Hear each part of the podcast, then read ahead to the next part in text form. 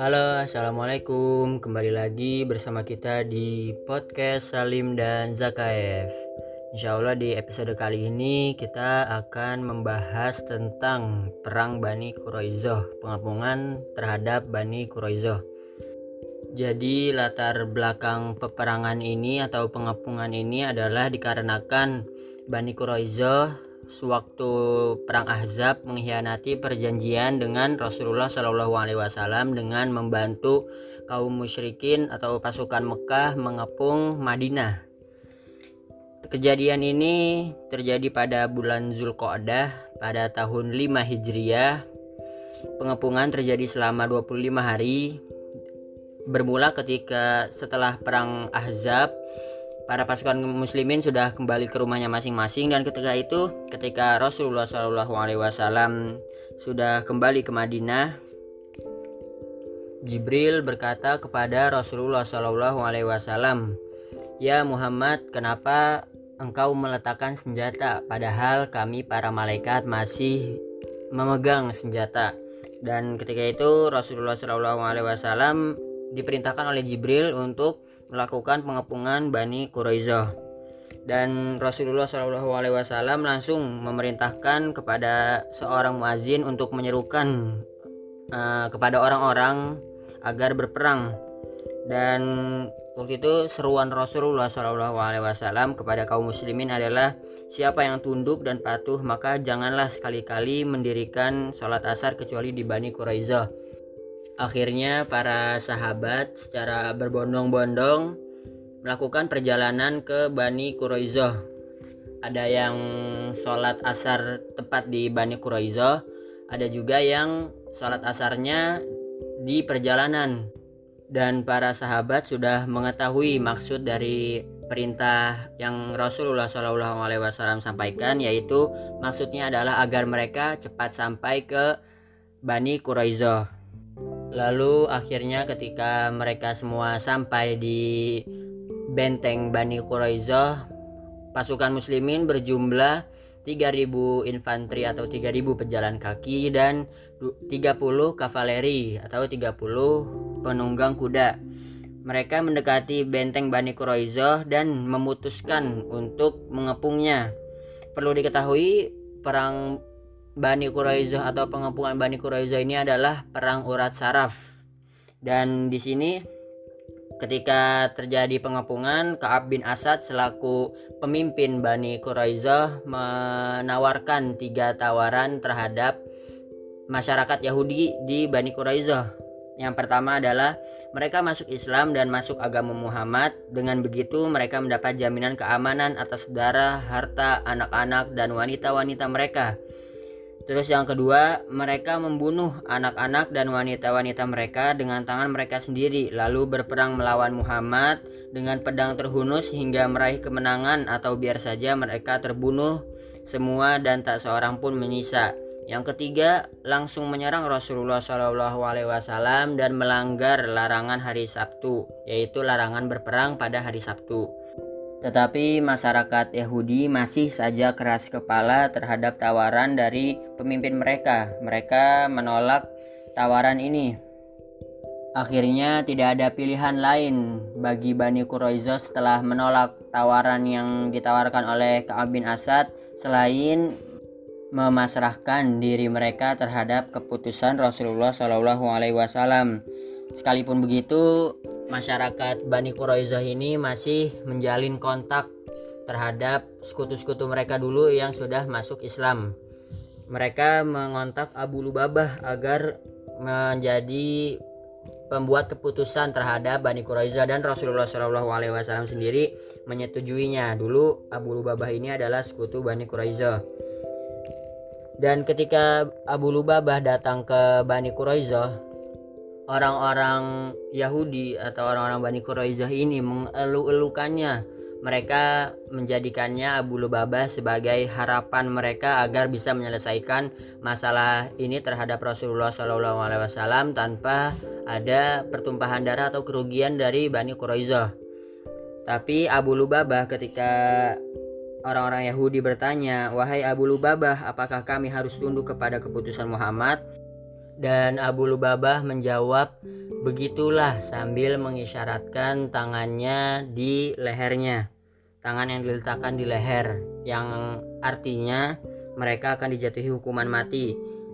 Setelah itu Abu Lubabah sadar bahwasanya dia berbuat suatu perlakuan yang tidak layak dan akhirnya Abu Lubabah berbalik dan tidak menemui Rasulullah Shallallahu Alaihi Wasallam. Lalu Abu Lubabah mengikatkan dirinya di masjid dan tidak ingin dilepas kecuali Rasulullah Shallallahu Alaihi Wasallam sendiri yang melepasnya dan menerima taubat Abu Lubabah.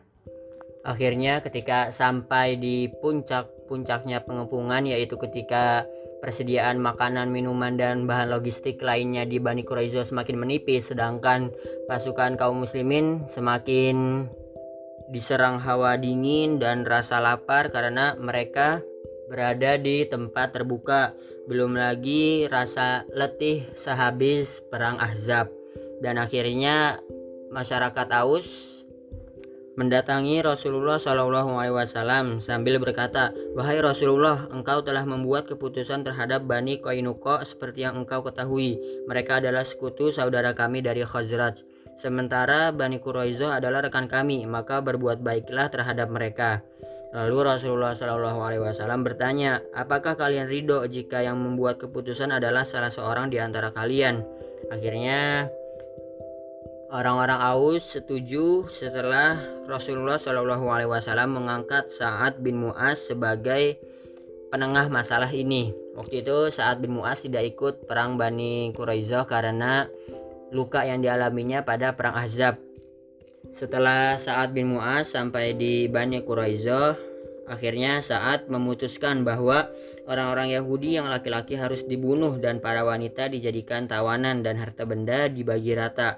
Rasulullah Shallallahu Alaihi Wasallam bersabda atas keputusan saat ini, engkau telah membuat keputusan berdasarkan keputusan Allah dari atas langit yang ketujuh. Akhirnya keputusan saat bin Muas ini sudah dianggap pas dan adil karena Bani Quraizah ini sudah melakukan pengkhianatan yang keji dan juga Bani Quraizah sudah menyiapkan 1500 bilah pedang, 2000 tombak dan 300 baju besi dan 500 perisai untuk membinasakan kaum muslimin. Ini semua didapatkan ketika orang-orang muslim dapat menaklukkan benteng dan perkampungan orang-orang Yahudi Bani Quraizah. Rasulullah Shallallahu alaihi wasallam memerintahkan untuk menahan orang-orang Yahudi Bani Quraizah di rumah binti Al-Harith, seorang wanita dari Bani An-Najjar. Sebuah parit digali di dalam pasar Madinah. Sekelompok demi sekelompok orang Yahudi digiring ke dalam parit tersebut. Beberapa orang Yahudi yang dekat dengan pemimpin mereka, Kaab bin Asad bertanya, "Apa yang dia perbuat terhadap kita menurut penglihatanmu?" Kaab menjawab, Apakah di tempat mana pun memang kalian tidak bisa berpikir? Apakah kalian tidak melihat orang yang banyak berbicara tidak akan dilepaskan dan orang yang telah diusir di antara kalian tidak bisa kembali lagi? Demi Allah itu adalah hukuman mati. Jadi orang-orang Yahudi yang laki-lakinya yang telah balik dijatuhi hukuman mati dengan dipenggal di dalam parit. Jumlah laki-laki Yahudi yang dipenggal dalam hukuman mati ini ada sekitar 600 orang hingga 700 orang. Ada juga dari Bani Nadir yaitu Huyai bin Akhtab setelah perang Ahzab dan ketika pasukan Mekah sudah kembali Huyai bin Akhtab ini berlindung di Bani Quraizoh. Ada satu orang wanita dari Bani Quraizoh yang juga ikut dihukum mati karena Waktu itu wanita ini melemparkan atau menimpukan batu penggiling kepada Khalid bin Suwaid sampai Khalid bin Suwaid ini meninggal dunia. Akhirnya wanita ini dieksekusi karena perbuatannya. Ada beberapa dari kalangan Yahudi Bani Quraizoh yang masuk Islam pada malam sebelum mereka menyerah sehingga darah, harta, dan keluarga mereka dilindungi pada malam itu pula muncul Amr yang tidak ikut bergabung dengan Bani Quraizo untuk melanggar perjanjian. Muhammad bin Maslamah yang melihat ini membiarkannya pergi dan tidak tahu ke mana perginya. Rasulullah Shallallahu Alaihi Wasallam mengambil harta rampasan perang dari Bani Quraizah ini seperlimanya dan setelah itu membagi-bagikannya kepada kaum muslimin. Tiga bagian diperuntukkan bagi barisan penunggang kuda, pasukan pejalan kaki mendapat satu bagian, tawanan diserahkan kepada Sa'ad bin Zaid al-Ansori untuk dibawa ke Najd, lalu dijual di sana dan dibelikan kuda serta senjata. Rasulullah Shallallahu Alaihi Wasallam memilih untuk diri beliau salah seorang wanita dari mereka yaitu Raihanah binti Amr bin Junafah. Wanita itu tetap berada dalam hak beliau hingga beliau meninggal dunia. Menurut Al-Kalbi, beliau membebaskan Raihanah dan menikahkannya pada tahun 6 Hijriah. Dia meninggal dunia saat beliau pulang dari Haji Wada lalu dikuburkan di Baki. Dengan tindakan Rasulullah Shallallahu Alaihi Wasallam menghukum mereka mati dengan cara dipenggal satu persatu itu menimbulkan beberapa pendapat dari berbagai pihak bahwasannya Rasulullah Shallallahu Alaihi Wasallam dan kaum muslimin telah melakukan pembantaian di dalam kitab Ar-Rohik Al-Maktum karya Syekh Sofiur Rahman Al-Mubarakfuri disebutkan bahwasannya dengan tindakan seperti itu mereka dianggap sebagai penjahat perang sehingga layak mendapat hukuman mati. Beberapa sahabat menunjukkan keberaniannya di perang Bani Quraizoh ini. Salah satunya adalah Ali bin Abi Thalib. Waktu itu ketika lagi puncak-puncaknya pengepungan, Ali bin Abi Thalib berteriak, "Wahai pasukan iman, demi Allah, aku siap merasakan seperti yang telah dirasakan Hamzah atau lebih baik aku membuka benteng mereka."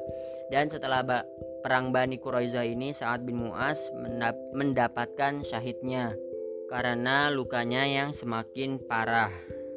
Pada perang Bani Quraizoh ini ada dua orang dari pasukan muslimin yang meninggal dunia yaitu yang pertama Khalid bin Suwaid dan yang kedua adalah Abu Sinan bin Minsan. Terkait perang Ahzab ini Allah Subhanahu wa taala menurunkan beberapa ayat tentang perang Ahzab dan Bani Quraizoh dalam surat Al-Ahzab. Di dalam ayat-ayat ini terdapat penjelasan penting tentang keadaan orang-orang mukmin dan munafik, kemudian kehinaan yang diderita pasukan musuh dan kesudahan pengkhianatan para ahli kitab. Nah, jadi begitu akhir kisah dari pengkhianatan Yahudi Bani Quraiza. Jangan lupa di-share ke teman-teman kalian supaya manfaatnya semakin banyak dan kalian juga nggak pinter sendiri Semoga kita bisa mengambil hikmahnya, kurang lebihnya mohon maaf. Jangan lupa didengarin episode-episode sebelumnya dan episode yang akan datang. Kurang lebihnya mohon maaf. Wassalamualaikum warahmatullahi wabarakatuh. Sampai jumpa di episode selanjutnya.